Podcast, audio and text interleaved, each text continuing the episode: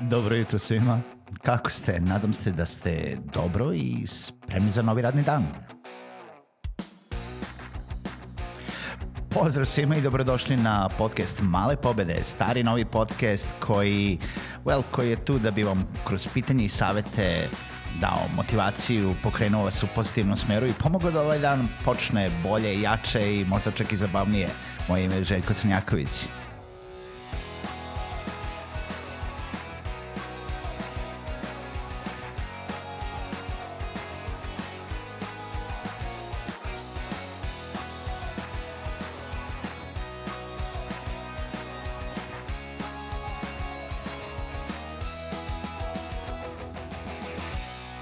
Pozdrav svima, dobro jutro i dobrodošli u još jednu epizodu Malih pobjeda! Malo da promenim, da, da vidimo kako ide. Nadam se da ste dobro i da ste sa mnom ovog jutra orni, vredni i spremni za nove male pobede. Um, u ovoj epizodi želim da pričam sa vama o tome kako možete da reklamirate vaš biznis putem podcasta, u stvari kako možete da prodate vaše usluge ili promovišete i koristite podcast sadržaj uh, u cilju marketinga vašeg biznisa ili pospešivanja vašeg biznisa. Ima tri načina da to uradite. Uh, preći ćemo sva tri načina, preći ćemo uh, pozitivne i negativne strane i da vidite Uh, jel da, da li je to za vas ili ne. Zašto bi to trebalo da radite? Ima jedna epizoda koju sam snimio ranije, linkovat ću je u opisu ove epizode, jeste zato što uh, podcast stvarno uvećava uh, vrednost vašeg brenda, uh, možda je mnogo manja publika nego na nekim drugim kanalima do kojih možete da dođete, ali publika koja se odlučuje da sluša podcaste jeste mnogo interaktivnija i mnogo aktivnija publika od samo one publike koje ćete targetirati na društvenim mrežama. I a, realno sama činjenica porasta interesovanja za podcast sadržaj otvara vrata za jednu totalno novu publiku koja je vredna vašeg brenda. Znači, ukoliko imate neki proizvod koji se poklapa sa nišom koju podcast gađa, jeste jedan od kanala koji možete da razmotrite da koristite u,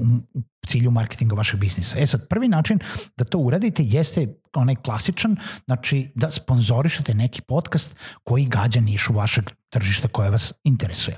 Sponzorisanje podcasta je e, ono, klasično sponzorstvo, um, u, uđete u neki dogovor sa e, kreatorom podcasta na osnovu periodičnosti, na osnovu toga šta će uh, taj neko da kaže, uh, to je jedna veoma, ispla, veoma isplativi način da dođete do veoma uske niše zainteresovanih ljudi koji mogu biti zainteresovani za, za vaše usluge ili vaše proizvode. E sada, šta je tu isto jako bitno? Bitno je da u sponzorisanju proj, ovaj, podcasta Uh,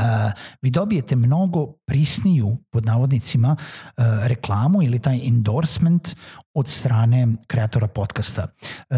tu se ne javljaju one uh, nikakve uh,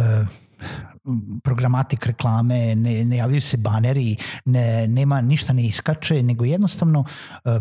prekida se program, što više ne prekida se čak ni program sa nekim totalno nebuloznim uh, upadom neke neke, nekog džingla koji remeti flow podcasta, nego najčešće se dešava to da sam podcast host, u stvari kreator, vas podržava i kaže nešto o vašem proizvodu, o um, vašoj usluzi ili neče u vašem brendu koji želite da promovišete. Zašto je to dobro? Zato što podcast kreator već sada gradi uh, jel da, taj neki prisan odnos sa svojim publikom. Uh, mi smo tu kao neko ko a ukoliko nas je neko odlučio da sluša i sviđa mu se da sluša naš sadržaj, uh, gradi neki odnos sa nama, gradi neko poverenje i u momentu kada i kreator naravno odluči da je to prava stvar za njega,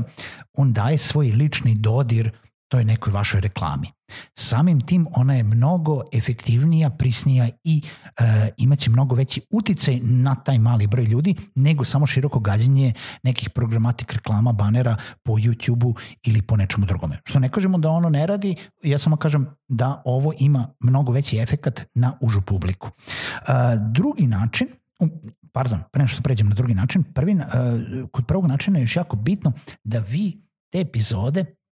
konstantno imate online. One postaju evergreen. Znači, to nije ono tipa kao da kad spozorišete neki radio program i to se vrti nedelju dana i posle toga se uklanja iz programa. Podcast kreatori najčešće ostavljaju svoje emisije, svoje epizode dok god imaju taj podcast, dok god taj podcast ne prekine sa radom, a to se uh,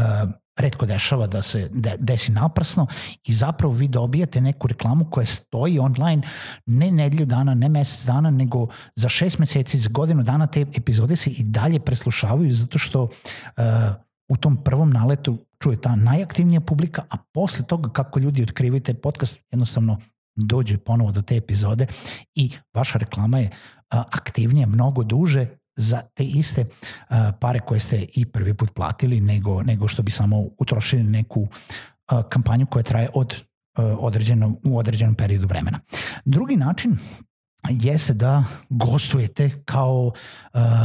i, ono, gost na nekom od podcasta. Uh, biti gost na nekom od podcasta zna, ne znači nužno uvek da ćete konkretno prodavati vašu uslugu ili proizvod ili um, neki servis ili vašu kompaniju, ali jeste opet sa druge strane način da budete prisutni, da budete uh, prepoznati kao neko ko uh, ima šta da kaže, ko uh, zna da reši nečiji problem, pošto vi kao gost ta cela emisija je vezana za vas. Ta cela emisija, tematika jeste vezana za tu neku vašu priču. Da li je to vaša lična priča, da li je to priča vaše kompanije, da li je to priča o vašem proizvodu, na neki način ona nije nikad 100% komercijalna, ali jeste awareness, ali jeste e, podizanje te e, svesti o tome da vi postojite i na taj način trebate se gurati isto kao što treba gostovati na YouTube kanalima, treba gostovati u televizijskim emisijama, u, ovaj, u, na radiju, kod podcasta isto to postaje evergreen, uh, dolazi konstantno do te publike gde sam kreator vas gura uh, kao, kao nekog ko ima šta da kaže, koji ima korisne informacije za njegovu publiku i na taj način vas predstavlja kao neko u koga njegova publika može da ima poverenja i može da se obrati ukoliko ima problem koji vi možete da rešite. Treći način da se reklamirate putem podcasta jeste onaj najgori, najteži, najduži način jeste da kreirate sami svoj podcast i sami svoj sadržaj, uh, gde možete vi da krojite pod navodnicima kompletno sadržaj oko vašeg brenda, on naravno ne treba da bude opet full komercijalan, ne treba da bude prodajan, treba da bude taj sadržaj, content marketing koji će uh, isto kao bilo koji drugi sadržaj o kojem pričamo o kreiranju da li vlogova, da li podcasta, da li blogova, uh, podići vaš brand u smislu povezati vas sa vašom publikom, e, pokazati vašoj publici šta se to dešava iza zavese, e, šta se to dešava iza zatvorenih vrata, e, dati neki insight u to kako vi rešavate te sve probleme, dati neku realizaciju da vi niste tamo neka bezdušna kompanija, nego zapravo i vi imate iste probleme kao i oni i da taj način može dugoročno imati mnogo veći efekat nego samo sponzorstvo ili gostovanje u programu. Naravno, zahteva najviše vremena, zahteva para, zahteva ulaganja truda i resursa koje možda nemate. Tako da, imate tri načina, znači sponzorstvo, gostovanje na tuđim podcastima ili kreiranje svog sadržaja. U svakom slučaju treba da razmislite o tome uh, da li je to prava odluka za vas i treba uvek da imate na umu. Znači, jeste nije toliko velika publika kao kada bi gađali Google Adsima, nije toliko velika publika kao kada bi gađali na društvenim mrežama, nije toliko velika publika uh, kao možda na YouTube-u uh,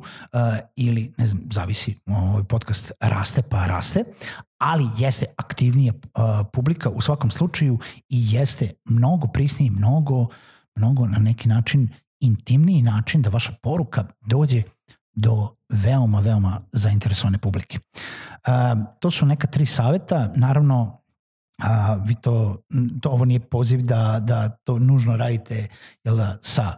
podcastom Male pobede, mada možete to, ali možete da radite i sa bilo kojim drugima, pogotovo sa stranim podcasterima gde ima mnogo, mnogo više uh, jel da, efekta ukoliko imate naravno proizvod ili uslugu koja se prodaje na globalnom nivou. Čujemo se u nekoj narednoj epizodi podcasta Male pobede.